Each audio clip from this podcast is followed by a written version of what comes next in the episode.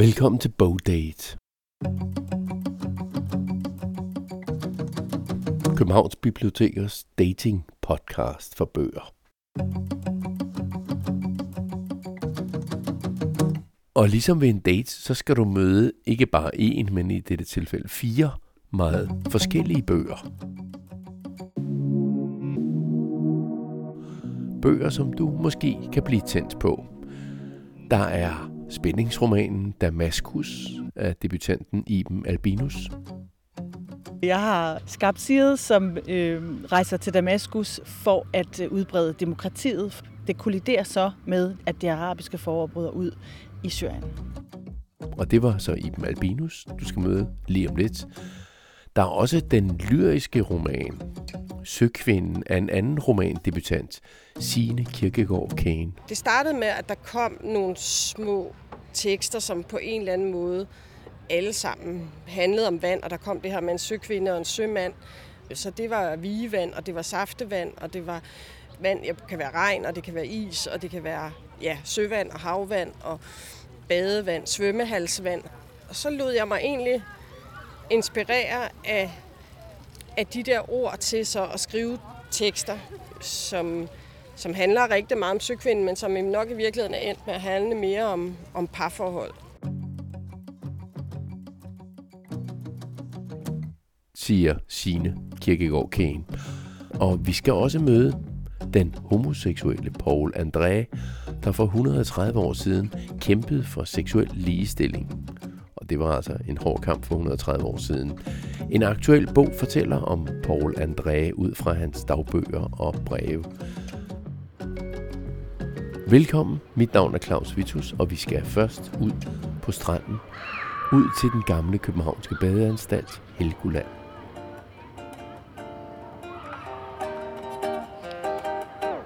For Siret var Helgoland et af de smukkeste steder i København. Den turkismalede badeanstalt lå på Amager, der ikke just var en oase for liebhavere, selvom de nytilkommende ejendomsmalere kæmpede for den version af historien. Men for Sigrid var badeanstalten et frirum, et sted, hvor dæmonerne ikke kunne nå hende. Sådan her starter Iben Albinus' debut spændingsroman Damaskus, på badeanstalten Helgoland, øh, som ligger på Amager, som ligger med udsigt over mod Sverige og ned mod Øresundsbroen. Og hvis man vender sig om, hvis man ikke er på vej ud i vandet, øh, så kigger man ind mod Amager Strandpark og det nye Amager, hvor der også er nye bebyggelser i den lange Amager Strandpark.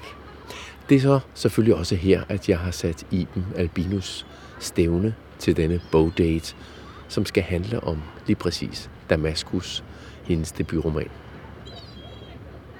Øh, Damaskus starter på en badeanstalt, hvor der foregår vinterbadning, fordi at det har været i mit hoved helt fra begyndelsen af, da jeg fik ideen til den her roman, at for mig er vinterbadning i Skandinavien noget af det mest, at det er virkelig indbegrebet af den livsstil, vi lever her hos os på vores breddegrader. Det sunde, det gode liv. Jordbær, fregner, øhm, altså øh, det her øh, demokrati, vi har, som på en eller anden måde for mig øh, repræsenterer øh, den rigtige måde at leve på. Og når man så begynder at læse sig ind i historien, vil man jo kunne se, at der er en bagside af den her, det her sunde, gode Skandinavien.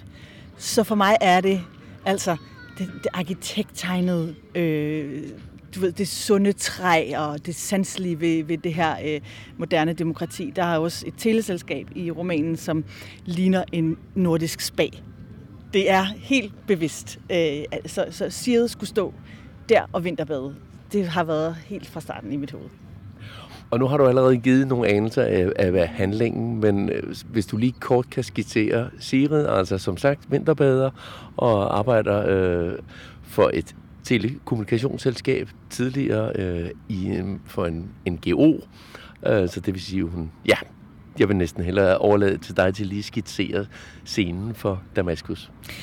Damaskus handler om en dansk kvinde, som er idealist. Hun er sådan en slags forvokset Pippi Langstrømpe, som arbejder i Amnesty, og hun har Hun har noget bagage med sig fra sin barndom og ungdom, som gør, at hun føler sig programmeret til at, at gøre godt her i verden. Hun vil gerne den her kliché, vi har om at redde verden. Hun vil i hvert fald gerne gøre godt. Hun vil gerne sætte sit præg. Hun har så det dilemma, at hun også gerne vil være en god mor og en god kone for sin mand. Det er ligesom udspringer i virkeligheden lidt af min egen work-life balance problemer. Og så er det, at øh, jeg har øh, skabt Side, som øh, rejser til Damaskus for at øh, udbrede demokratiet for det her store tilselskab. Det kolliderer så med, at det arabiske forår bryder ud i Syrien. Og hvorfor har du placeret det i Syrien? Altså man kan sige, det er jo meget aktuelt, og det er meget tilstedeværende, desværre, og har været det i, i mange år. Men, men har du nogen speciel forbindelse med Syrien?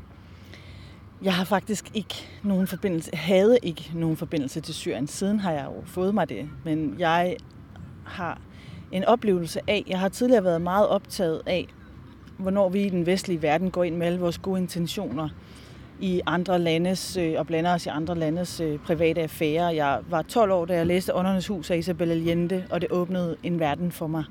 Min mor var spansk lærer, så det var, øh, jeg følte, at jeg gik ind ad en dør og kom ud i Chile i tre generationer, og var forarvet over CIA's indblanding i kuppet i Chile, og, men mest af alt optaget af de her kvinder, som jo er øh, øh, hovedrollerne i, øh, i Undernes Hus. Senere, da jeg gik i gymnasiet, skrev jeg opgave om Vietnamkrigen, og var meget optaget af, hvad der fik USA ryddet ind i den krig.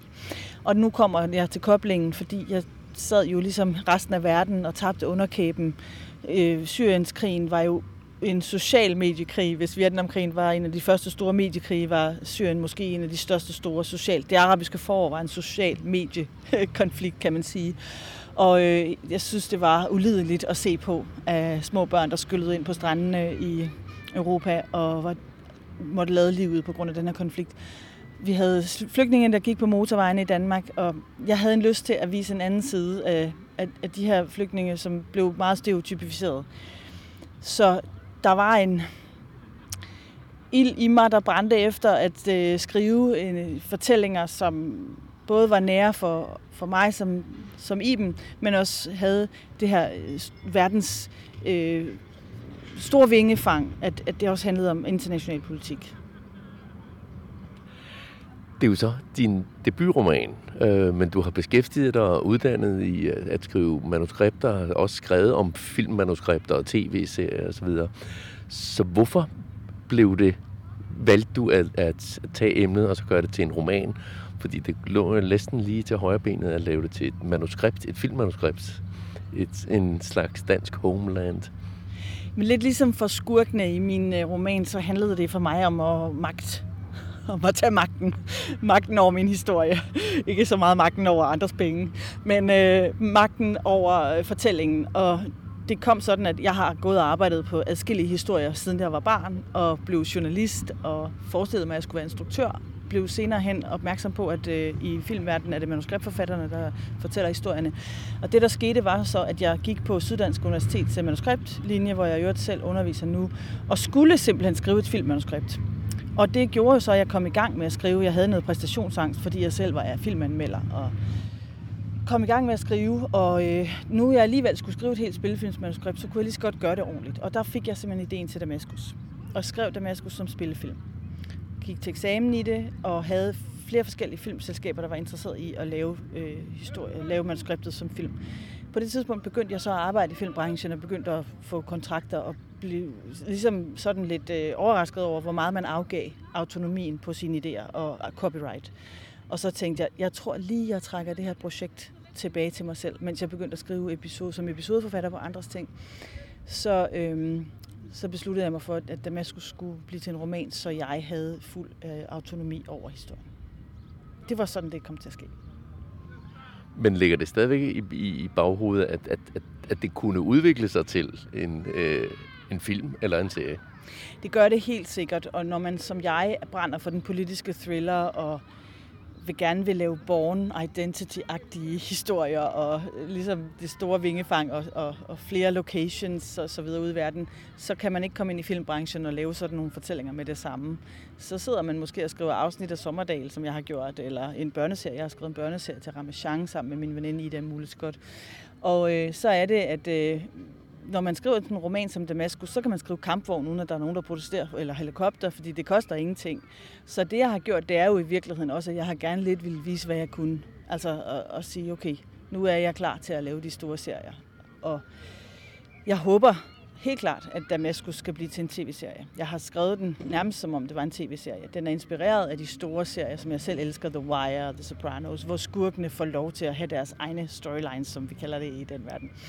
Så øh, det handler ligesom om, at lige nu, der, jeg har fået, jeg tror, der er i hvert fald mindst ni selskaber, der har tilbudt at købe filmrettighederne. Men jeg har øh, holdt på dem og fået blevet råd til at holde på dem. Og øh, nu skal jeg jo i gang med toeren først. Så jeg skal skrive opfølgeren til Damaskus, før jeg skal øh, tænke på at, at gøre den til tv-serie. Du nævnte, at, at du havde ikke noget forhold til, til Syrien, før du gik i gang. Andet forhold end det, som øh, os, der har siddet og set og fulgt udviklingen igennem medierne og igennem tv-skærmene. Men du tog, tog jo så der ned øh, i research. Hvordan var det? Jamen, det var fantastisk. Altså, jeg havde øh, længe ventet på, at det skulle blive muligt, og min mand har tidligere meget plaget mig, øh, for at vi skulle rejse til Mellemøsten. Så vi, øh, vi så vores snit, da Penguin Travels faktisk lavede en rejse derned. Og øh, så jeg tog min mand med. Jeg havde allieret mig med forskellige, blandt andet mine egne kilder, altså diplomater, sikkerhedsrådgivere og journalister, udenrigskorrespondenter, der har været i Syrien. Og der, jeg havde fire sådanne, også en øh, underviser på Mellemøststudiet, som jeg også var gået i gang med, og som lige havde været i Damaskus. Og øh, de sagde alle fire, god for vores rejseplan, sagde, det her det er ikke farligt, det kan du roligt gøre, og du kan roligt tage din mand med. Det gør ikke noget, ingen af jer taler arabisk. Og vi havde, altså det var den, min livs oplevelse. Øh, det var i efteråret 19, og øhm, vi var i Damaskus, og vi var ude i forskellige dele, også af Syrien, med vores guide, og så romerske amfiteatre og øh, korsfarborge, og ja, altså hvis ikke det havde været for det her vanvittige overvågningssamfund, de har, så må man bare forelske sig fuldstændig pladask i Syrien. Altså for mig, jeg har boet i Italien flere, flere omgange. For mig var det ligesom Italien møder tusind og en nats eventyr. Så har de så den her, det her brutale diktatur, som jo desværre holder sin befolkning i det angreb. Men nu nævner du amfiteater og, og, og det gamle øh, Syrien, men fik du indblik i, i det krigsmartrede del af Syrien? Det man kan sige, det er, at det var jo faktisk det moderne Syrien, jeg var fascineret af. Så det historiske blev ligesom en, en ekstra oplevelse. Der skete jo det, at jeg, mens jeg arbejdede på historien, læste et, en, en sms-udveksling i information, en slags interview mellem en, en syrisk kvinde, der hedder Lila, som bor i Danmark, og hendes veninde i, i Damaskus. Og øh, de har fået mistet kontakten, har så genopfundet hinanden og skriver så om, hvordan er mændene i Danmark, hvordan er mændene i Syrien, hvordan går det med alt det her, og skulle jeg også være flygtet osv.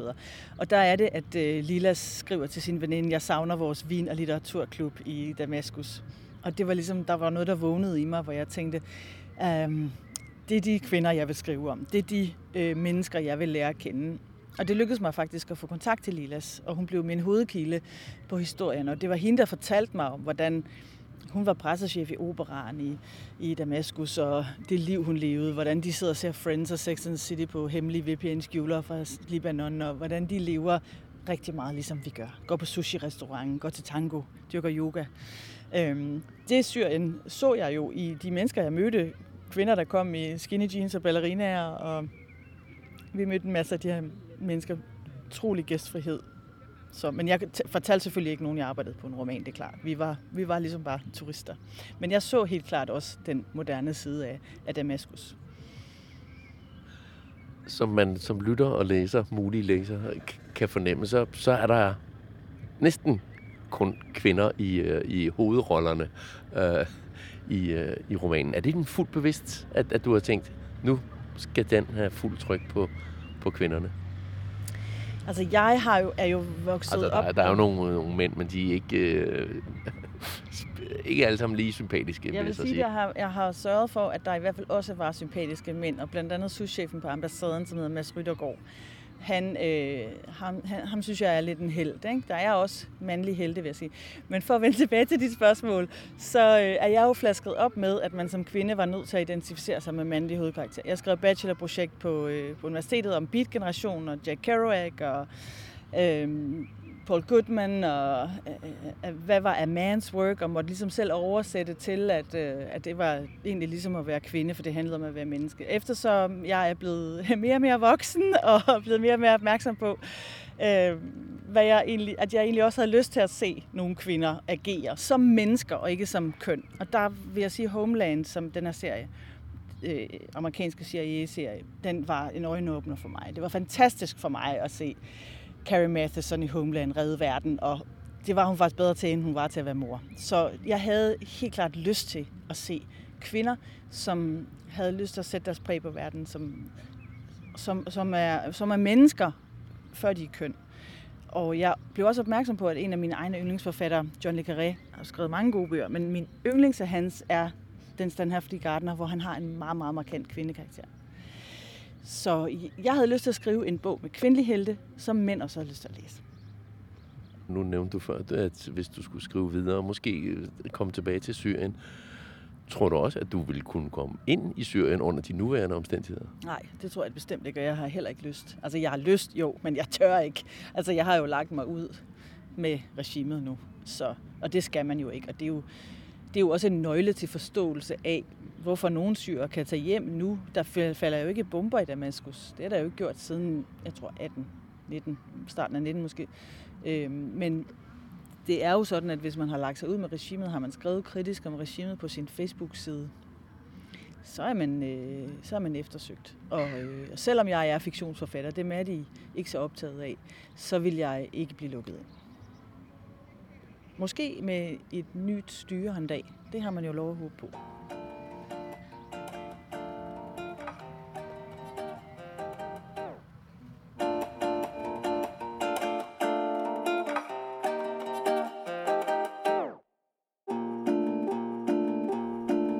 Fra Iben Albinus og hendes debutroman Damaskus, som måske snart bliver til en spændings-tv-serie, er der et stykke vej til den næste roman, selvom der dog alligevel er en del fællesnævner mellem de to. Den næste, som du skal møde her i Bogdate, er også en debutroman, ligesom Albinus. Så har den næste, Signe Kirkegaard Kane, også arbejdet med journalistik og tv, før hun kastede sig over at skrive men hendes debut, altså sine Kirkegaard Kanes debut, Søkvinden, er mere det, man kalder lyrik. Det udtrykker følelser og stemninger, er abstrakt og ikke med nogen stærk handling. Det er ikke digte, men det er lyrik, som i en lang række billeder, der dårligt nok fylder en side i romanen, hver af dem, beskriver hovedpersonen, søkvinden, og hendes forhold til vand og til meget andet. Og her kommer der så endnu en lille fællesnævner med den forrige bogdate. For sine Kirkegaard Kane kommer på badeanstalten Helgoland, der hvor jeg også havde sat Iben Albinus i stævne. Så jeg mødte selvfølgelig også sine Kirkegaard Kane her. Og det kommer til at handle en del om vand. Altså det, øh, det særlige ved Helgoland er, er historien. Altså Helgoland har jo været her øh, lang tid før Øh, altså, man kan sige, der har jo der har altid været en strand på Amager, og jeg er også kommet her som teenager, før det var en fancy strandpark. Øh, men øh, Helgoland har den her lange historie, øh, hvor den blev som genopsat igen, efter at, at Amager Strand, øh, efter strandparken blev, øh, blev etableret. Man kan sige, det særlige som vinterbader er, at der er kvindeafdeling, øh, med sauna, med omklædningsrum, hvor man kan bade uden badetøj, og hvor man har det her sådan helle, som man kan være i. Og så kan man sige, om sommeren, så er Helgoland åben for alle. Altså, jeg synes hele, hvis jeg kan sige, tale om det, så synes jeg, hele Strandparken er jo et fantastisk billede på, hvad der er sket med Amager. Øh, fordi jeg boede her som sagt også som teenager, og der var det et helt andet Amager. Øh, det var, øh, jeg kan sige, sammensætningen af, af mennesker var en helt anden, fordi huspriserne var nogle helt andre. Der, hvor jeg gik i skole, der boede de fleste i lejlighed. Øhm, så, øhm, så det var et, et, et helt andet Amager, end det, som, øh, som mine børn øh, vokser op på. Og det er Strandparken og metroen et utroligt godt billede på, hvad der er sket med Amager og med København. Altså den her sådan... Øh, altså jeg synes selv på de aller varme, altså aller, aller varmeste sommerdage, så er der faktisk kan man næsten føle, at der er god plads på Amager Strandpark, fordi den er så stor. Men hvordan er det, dit forhold er øh, til vand, hvis du skal prøve at beskrive det? Jamen, mit forhold til vand er, at det, øh, det her med at bade øh, i havvand og i søvand er, er sådan en, øh, det er den mest direkte vej, jeg har til sådan at føle mig fri øh, og, og sådan lige øh, slippe et øjeblik for, for bekymringer og problemer, komme sådan lidt væk fra, fra verden øh, på en måde. Øh, øh, jeg har sådan, der er sådan et sted i romanen, hvor at øh, hovedpersonen vinterbader, og hvor det bliver beskrevet som øh, et iskoldt dunk af sjælefred. Øh, Øh, og det er, sådan, det er sådan den følelse, jeg har med vinterbadning i virkeligheden også. Altså det gode ved at bade i Danmark er jo, at vandet næsten altid er lidt lille smule koldt. så, øh, så, og det i virkeligheden altså, synes jeg, det er et, et forhold til vand, jeg har haft, siden jeg var barn. Øh, at det her med at, øh, det her med at bade har altid været øh, en, ja, en følelse af frihed, en følelse af at være, være mig. Altså, jeg har altid, altid følt mig meget som mig, når jeg bader. Øh, og øh, ja.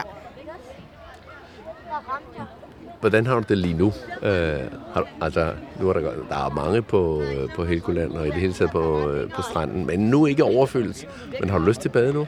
Ja, helt vildt. Altså, jeg synes, det er virkelig mærkeligt at sidde i, øh, i solen uden at, at være i vandet. Altså, jeg er i virkeligheden ikke... Øh, jeg er ikke særlig god til at være på stranden. Øh, jeg, bliver, jeg, jeg bliver hvad hedder sådan noget, utålmodig og keder mig, og jeg gider kun at være i vandet og så gå væk fra det igen. Altså, eller sådan sidde og kigge ud over det selvfølgelig. Det er altid dejligt, men øh, søkvinden har så det her sådan dobbelte forhold til det, fordi hun faktisk ikke kan lide at gå i bad. Øh, og øh, det er ikke fordi, jeg ikke selv kan lide at gå i bad, men jeg synes, der er noget spændende i det der med at, at, at, øh, at lade sig selv øh, lade være med at og, øh, blive, blive ren som sådan en... Det kan både være en måde at gemme sig lidt på, hvis man har det dårligt. Altså en måde at blive i, i noget, en eller anden form for psykisk dårligdom. Øh, det her med ikke at gå i bad, øh, ikke at gå ud og møde dagen. Øh, jeg ser det også hos hende som sådan en modstand mod at blive voksen på en eller anden måde. Altså det her med, at, at når man er voksen, så går man selvfølgelig i bad, og man er selvfølgelig ren, og man, man, det, det er selvfølgelig en del af, af det at være voksen. Øh, nu kan man sige her i, i, i den tid, vi har været igennem med corona og sådan noget, der har der været ekstra meget fokus på, på hygiejne, ikke? som sådan en, en ting, man virkelig... Og der har hun den her modstand i virkeligheden mod hygiejne og mod det er måske også en modstand mod noget, noget poleret, øh, noget overflade. Så det er også en måde at blive i noget, som, som man, man egentlig ikke rigtig må blive i. Altså hun har sådan et tidspunkt, hvor hun faktisk snyder sin mand ved at, og sit barn, også i et eller andet omfang, ved at gå ud og, og bare skylle sit hår og tage et håndklæde om håret, så det ser ud som om hun har været i bad, men i virkeligheden har hun bare skyllet det i håndvasken. Ikke? Så, øh, så der er sådan en, øh, det, er, det er sådan lidt barnligt også i virkeligheden, den der sådan måde at gøre oprør mod at, at være den voksne og den ansvarlige. Øh. Men hvor, hvor har du fået inspiration til at, at, at tegne denne her søkvindefigur? Jamen, det, i virkeligheden så er det øh, så er det vandet, der er udgangspunktet. Det startede med, at der kom nogle små tekster, som på en eller anden måde alle sammen handlede om vand, og der kom det her med en søkvinde og en sømand. Men så gik jeg sådan til en lidt mere sådan metodisk til værks, eller hvad man skal sige, på den måde, at jeg begyndte bare at nedskrive alle mulige ord med vand, eller alle mulige ord, der var associeret til vand. Øh, så det var vigevand, og det var saftevand, og det var øh, sådan på, alle mulige, alle mulige former for vand, og det her med, at vand kan være regn, og det kan være is, og det kan være ja, søvand og havvand, og badevand, svømmehalsvand har jeg også. Øh, der er sådan... Og så, og så lod jeg mig egentlig inspirere af, af, øhm, af de der ord til så at skrive tekster, som så efterhånden blev til sådan en, en sammenhængende fortælling, øh, som som handler rigtig meget om søkvinden, men som nok i virkeligheden er endt med at handle mere om, om parforhold.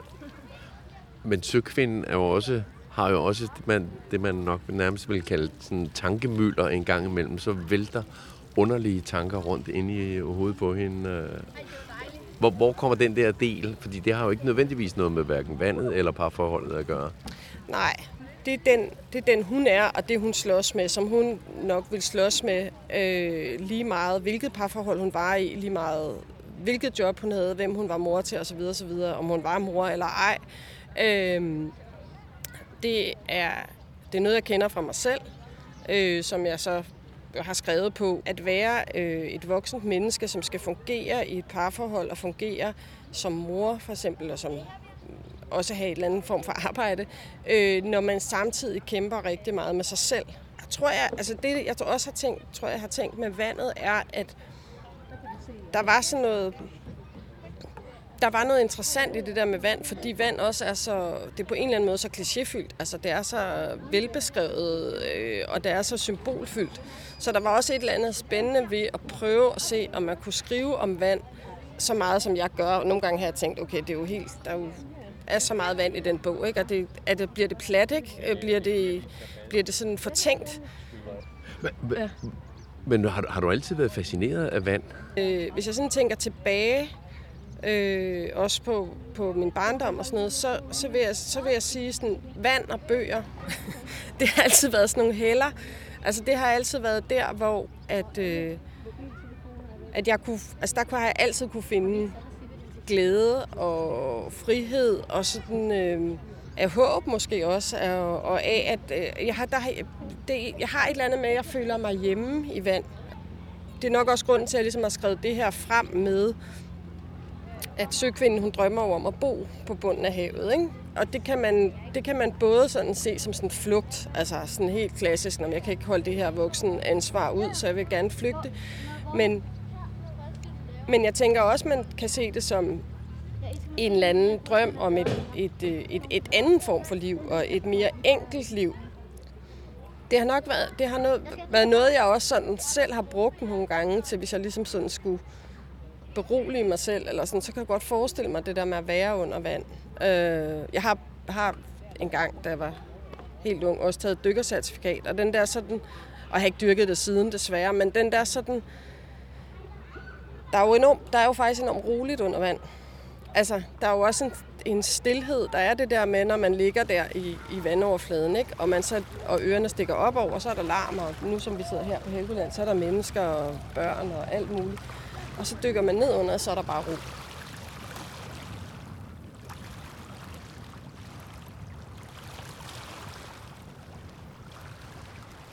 Grødis klumper ligesom grød. Det er ikke lige så klamt, men det er lige så gråt og lige så smattet. Jeg står der, nøgen, i sylespids vind og glæder mig til at dykke ned i det. Jeg bevæger mig langsomt ned ad trappen, tager fat i det tykke reb, der hænger på den, og går ned. Mit hoved glider under overfladen, kulden rammer mig, et iskoldt dunk af sjælefred. Det er helt klart noget, jeg, ja, noget, jeg forbinder med, med ro og lidt øh, sådan slippen væk fra verden på godt og ondt. Ikke? Hun har det jo, altså hun har det jo rigtig svært.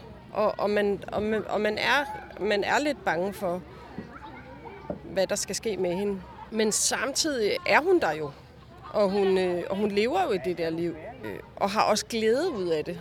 Øh, så, så det er sådan en underlig... Øh, ja, det er jo en, en, et, et underligt sted at være på en eller anden måde, fordi hun faktisk har det rigtig svært. Øh, jeg har lidt prøvet at også gerne vil give en stemme til det der med, at,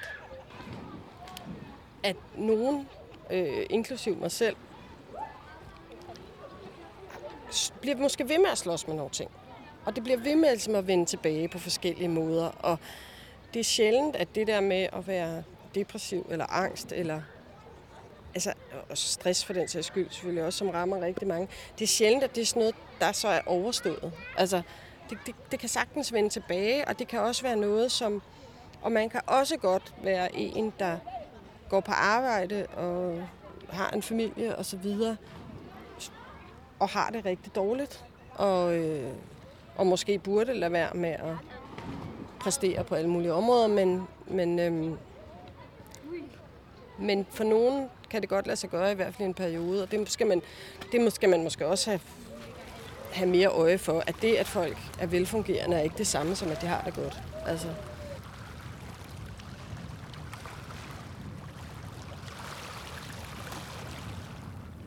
Jeg kunne forlade alt kødet og blodet, flytte ind i havlejligheden, alene leve et gennemblødt singleliv mellem de batikfarvede vægge, mærke mit indre vand skvulpe, til kvalmen bliver så voldsom, at jeg må lægge mig ned på den bulede havbund, omgivet af ålegræs og fiskestimer. Måske vil jeg på et tidspunkt vende mig til at være konstant våd og aldrig tør.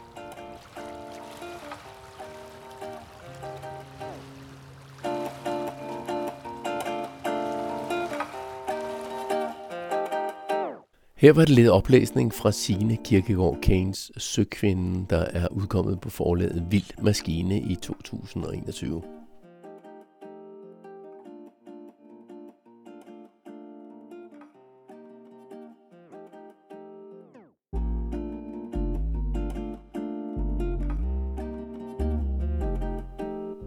Den tredje bog, som jeg vil præsentere for dig, er en samling små, skæve historier fra Cairo – så derfor har jeg fundet ned i mit arkiv over gamle lydoptagelser og fundet noget gadelyd og noget musik frem fra mit besøg i Cairo for nogle år siden.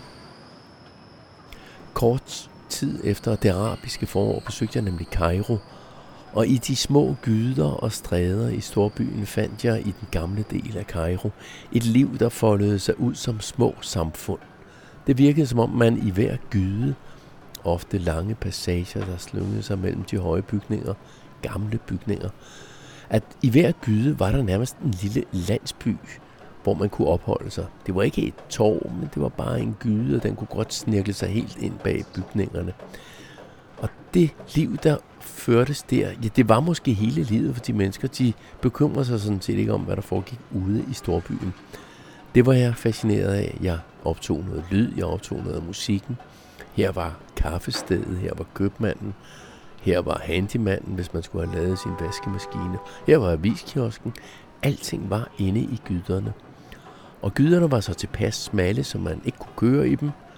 Men de var ikke uhyggelige, heller ikke om natten, for der var hele tiden liv, der var hele tiden mennesker. Og politiet kom der jo et sjældent. Derfor var de mange gyder i Cairo også gode gemmesteder for demonstranterne under det arabiske forår, hvis de blev forfulgt fra den nærliggende Tahrirpladsen.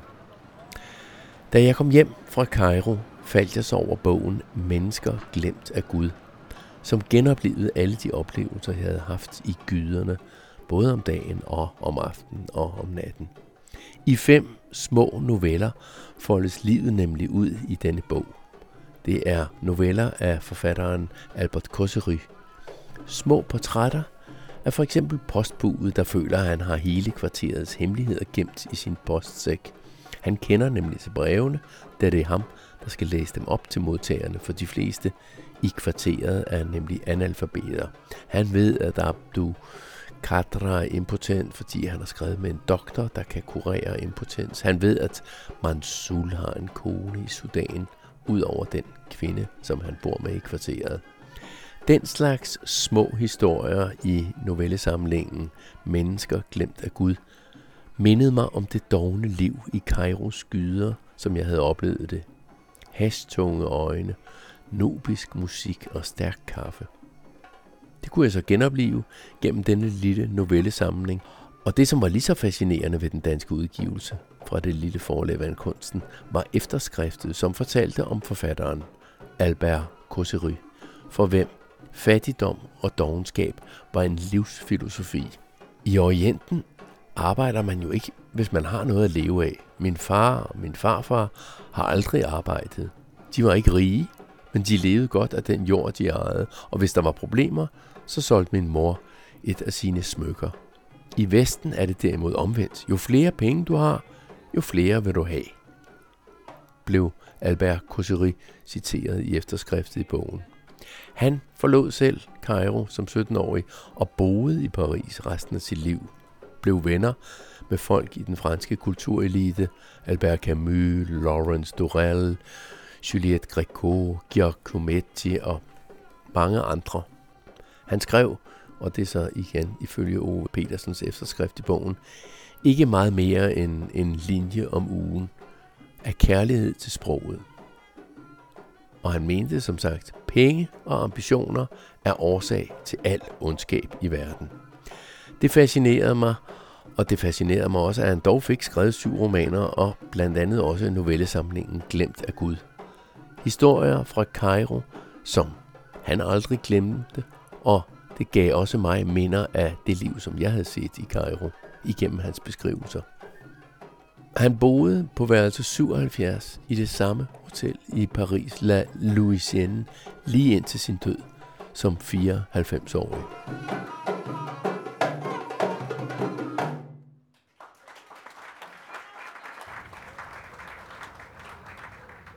Du har nu mødt tre meget forskellige bøger. Damaskus, Søkvinde og senest Mennesker glemt af Gud. Nu går vi til den fjerde, som så i virkeligheden også bliver til to anbefalinger.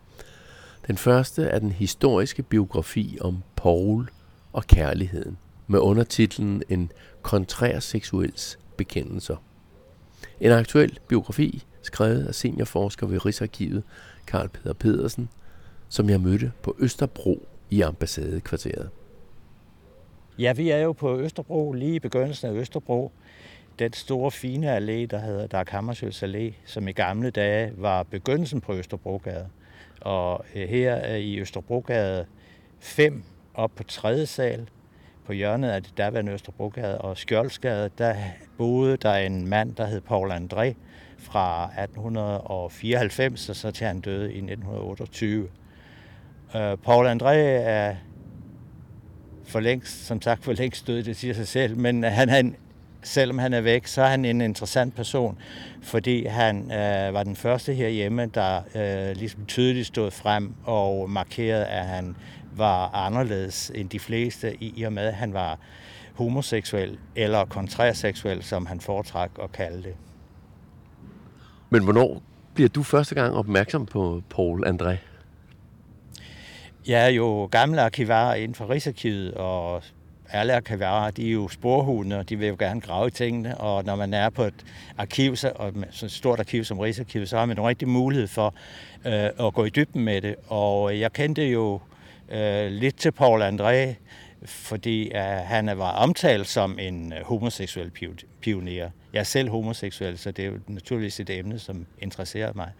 Øh, men man kendte ikke ret meget til ham. Øh, man mente, at han også havde skrevet en artikel, som var udkommet under pseudonymet Tandem i 1892, men det var ikke noget, der var fastslået.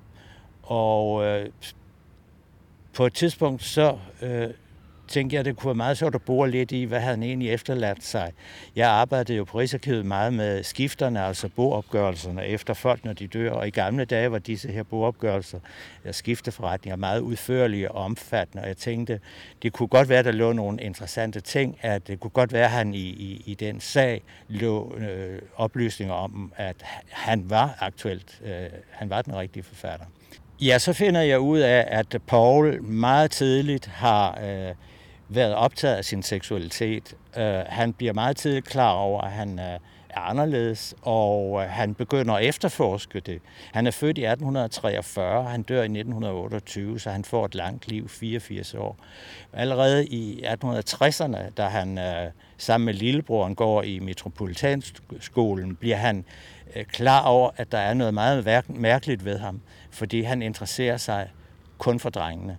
Og han skriver i dagbøgerne meget glødende øh, kærlighedserklæringer til nogle yngre drenge, som, som jo ikke er klar over, at han er forelsket i dem, som han heller aldrig har nogen øh, fysisk kontakt med. Det er rent platonisk forhold.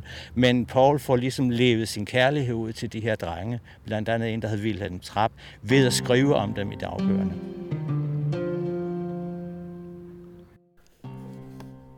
Min elskede Wilhelm, Kærligheden er endnu lige stor. Jeg har følt alt, hvad den lidenskabeligste elsker kan føle.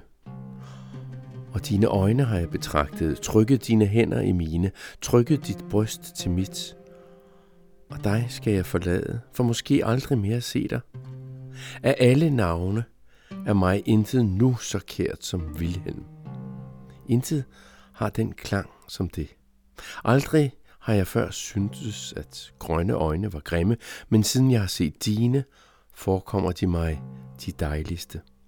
Og de andre tror, at jeg ikke kan glæde mig. Langt højere end de kan jeg beruses af den inderligste glæde.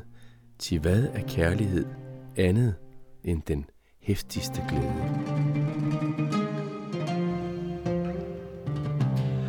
Men grund til, at han, som du nævner i starten, er, er en pioner, Ja. øh, er vel blandt andet også, fordi han så senere i virkeligheden skriver en, en, en artikel, øh, nærmest et, et, et modsvar til, til en lægelig afhandling, eller, øh, som er blevet offentliggjort af, af en psykiatrisk øh, overlæge, øh, Pontoppidan. Hvad, hvad er det, der sker der? Øh, der sker jo det, at Paul André helt i fra midten af 70'erne, 1870'erne, hvor man får en 6. afdeling på Københavns øh, Kommunehospital, tager kontakt med overlægen der. Det er en øh, ældre overlæge, der hedder Gedigen, og han er altså psykiater, og øh, de har et meget, meget tæt samarbejde. Og Gedigen er interesseret i at have kontakt med Paul André, og fordi at Paul læser tysk og fransk og er meget, meget velorienteret i hele den internationale litteratur på det her område. Øh, men Gedigen kan jo ikke gøre noget andet end at tale med ham, og der er jo ikke nogen behandling, og hvad skal man gøre? Men det er meget, meget værdifuldt for Paul André at have den kontakt. Gedigen redder Paul Andrés liv.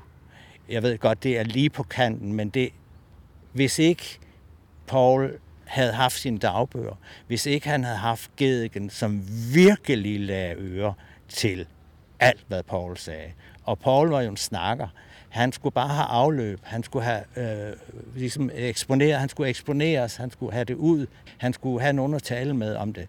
Og han havde jo ikke ret mange at tale med det om. Han kunne ikke tale med det, øh, om det med sine forældre. Han kunne tale lidt om det med sin lillebror, øh, og så enkelte andre skolekammerater, som han havde kontakt med. Men Gedigen bliver så utrolig vigtig. Og Gedigen øh, bliver så nødt til at fratræde som overlæge på 6. afdeling, fordi han til sidst bliver stokdøv. Og så kommer hans afløser, som er Knud Pontoppidan, og nu er vi fremme med ham, øh, du spørger til. Og Knud Pontoppidan var en meget øh, stærk, øh, markant øh, personlighed, som ikke nedlod sig til at tale med patienter. Altså andet end det var strengt nødvendigt. Han blev jo nogle år efter nødt til at forlade sin post som overlæge på 6. afdeling, fordi der var så mange øh, andre patienter, ikke Paul. Paul var jo aldrig patient over, men der var nogle af hans øh, patienter, blandt andet Amalie Skram, der jo skrev bøger om ham og klagede over ham og kaldte ham professor Hieronymus. Ikke? Så han til sidst øh, måtte, måtte, måtte, måtte søge sin afsked. Øh, Knud Pontoppidan er jo meget interesseret også, han er psykiater, han er interesseret i tilregnelighed, og han er interesseret i de, alle de nye seksuelle sygdomme, psykiske sygdomme og sådan noget. Og han øh, holder sådan en forelæsning i 1891, hvor han hiver en øh, 37-årig købmand oppe fra øh, Nykøbing Mors, øh, Øh, som er flyttet til København, og så uheldigvis, fordi han også har tilbøjeligheder i forhold til mænd, så er han altså blevet arresteret og haft øh, øh, sex med nogle mindreårige mænd. Og han bliver så i forbindelse med, at han får nogle milde domme ved kriminal- og politiretten, så bliver han indlagt til observation ved 6. afdeling, fordi at øh, Knud Pontoppidan skal så øh, undersøge ham og afgive en erklæring omkring ham. Og det gør han også. Og han erklærer ham også for at være øh, øh, homoseksuel. Øhm. Men i forbindelse med det, der øh, fremviser øh, overlægen denne her mand, Moral Christensen hed han, øh, for auditoriet af medicinske studerende. Altså han øh, øh, hvad hedder det, præsenterer så for de studerende, de lægestuderende, med brask og bram, ham her Moral Christensen, som degenereret homoseksuel, altså forklaringen på hans homoseksualitet, det er degeneration. Og degeneration, det er jo noget, der sker ned gennem slægten, altså det vil sige familien. Øh, øh, og så søger man øh, på, på tegn på, at familien var degenereret. Og Moral Christensen kunne da også fortælle, at han havde en moster, der var sindssyg. Og, men ellers var der ikke sådan rigtig så mange tegn på degeneration øh, i familien. Så på den måde var det sådan lidt... Øh, lidt øh, Øh, ikke sådan nogen store paradeforestilling, man kunne gøre ud af det. Og den forelæsning, han holdt i den forbindelse, den blev trygt året efter i det tidsskrift, der hed Bibliotek for Læger. Og det var egentlig første gang, hvor man kunne læse noget. Øh, og det, det så får så Paul André til året efter, og det skal vi sige under pseudonym, altså ikke under sit eget navn. Men han vælger pseudonymet Tandem, det betyder om sider, altså underforstået, om sider kan det nu siges, om sider kommer, kommer det nu frem. Ikke? Og der skriver han en øh, lang artikel, og er det første sted, hvor du hører øh, homoseksualitet, heteroseksualitet brugt i, i, i dansk, øh, på dansk, øh, i danske tekster. Selvom den kommer i det, der hedder Bibliotek for Læger, så bliver den jo ikke kun læst af lægerne. Den bliver i høj grad læst af det, man kan kalde hans lidelsesfælder, altså at de homoseksuelle. Og, og det er det første, der foreligger på dansk. Så derfor er det jo et meget, meget vigtigt element i den vidensopbygning, der begynder at ske så langsomt, og som ligesom breder sig ud væk fra den, fra den lægelige verden, væk fra psykiaternes verden. Uh, Paul André fik på det her tidspunkt uh, god kontakt til Ebbe Hertzberg, som var en førende jurist og uh, en overgang øh, medlem af den norske regering som minister. Han endte som rigsarkivar i, Stockholm, øh, undskyld, i Oslo. Øh, og øh, da, han, øh, da, da Paul Andrés sender de her artikler til Ebbe Herzberg, øh, sender han øh, meget, meget rosende og anerkendende øh, brev tilbage, med, som, hvor hovedindholdet endelig nu, er, nu bliver det sagt. Nu har vi fået gang i kampen. Nu er der kommet, nu er der kommet ild under, under, under tønden. Ikke? Nu går det fremad. Så det udløser virkelig uh, en uh, entusiasme hos ham. Og uh, på samme måde tror jeg, at andre uh, i København, der har læst det her, har det, det betydet noget for dem. De har kendt det. De har så ikke lige måske vidst, uh, Paul André, at det var ham. Men altså i og med, at han boede herovre, og hver dag gik ind til byen uh, og færdes ind i byen, uh, har han jo været en kendt skikkelse.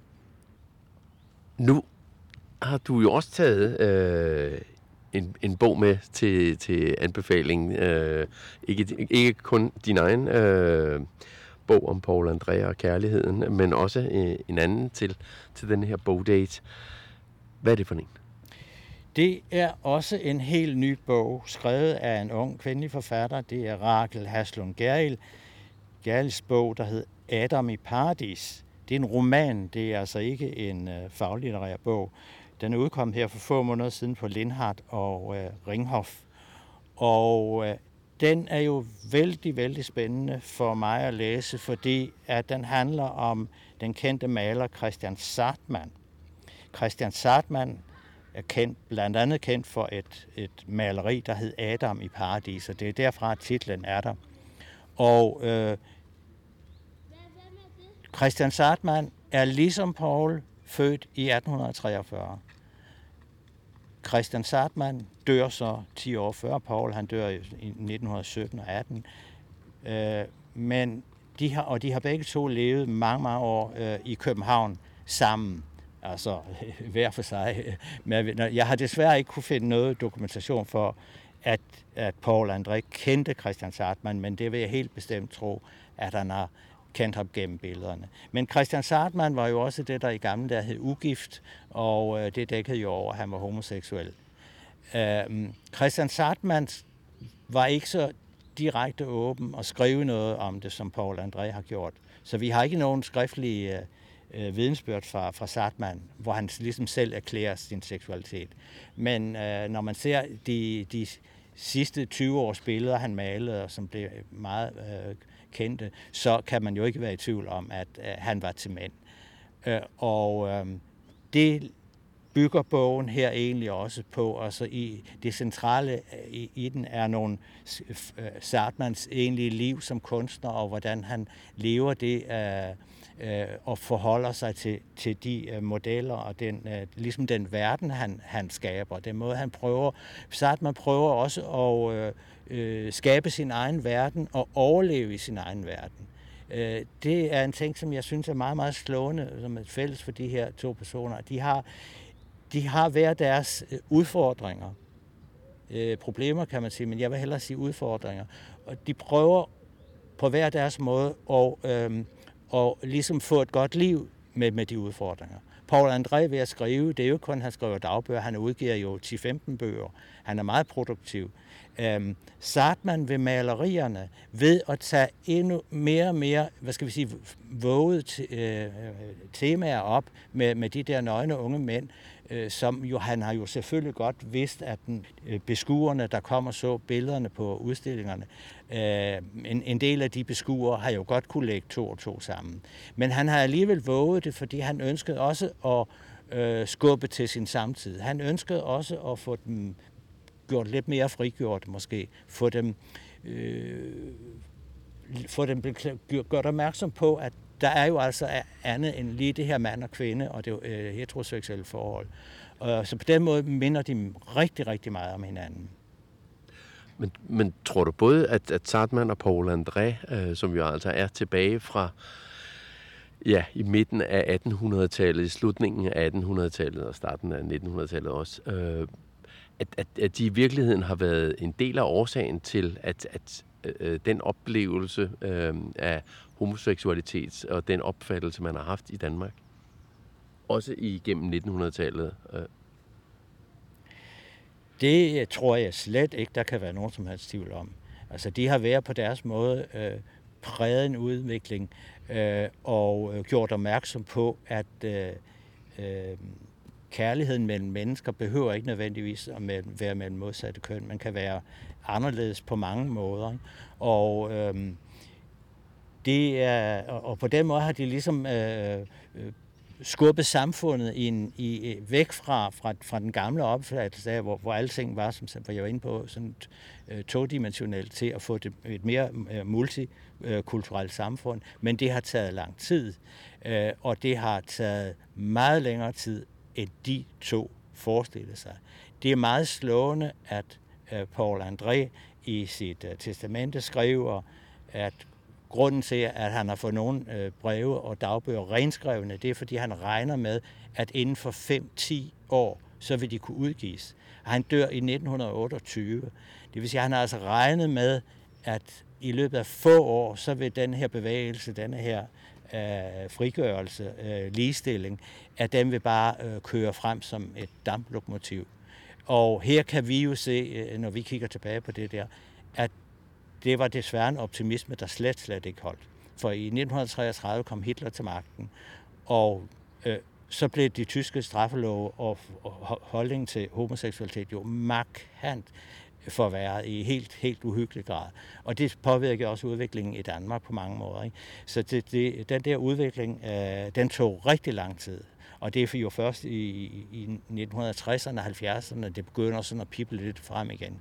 Så øh, jeg tror, de var, øh, de var, de var alt for optimistiske, men, men øh, hvor var det godt, at de var det. Og, og, og det er jo fortælling om den her lille kamp, som den lille seje kamp, det lille seje det lille seje træk, altså som man siger, uh, every life uh, øh, counts, ikke? som man har uh, Black Lives, Black Lives Matter, sagde man i USA. Ikke? Her kan vi sige, every, every uh, Øh, life matters. Altså et hvert liv, det synes jeg kan være en, en morale måske at slutte med her, altså en hver, et hvert liv er vigtigt i uh, samfundsudviklingen.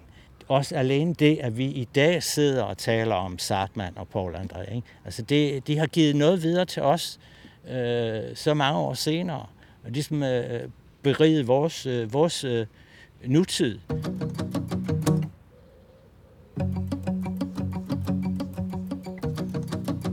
Du har lyttet til Bogdate.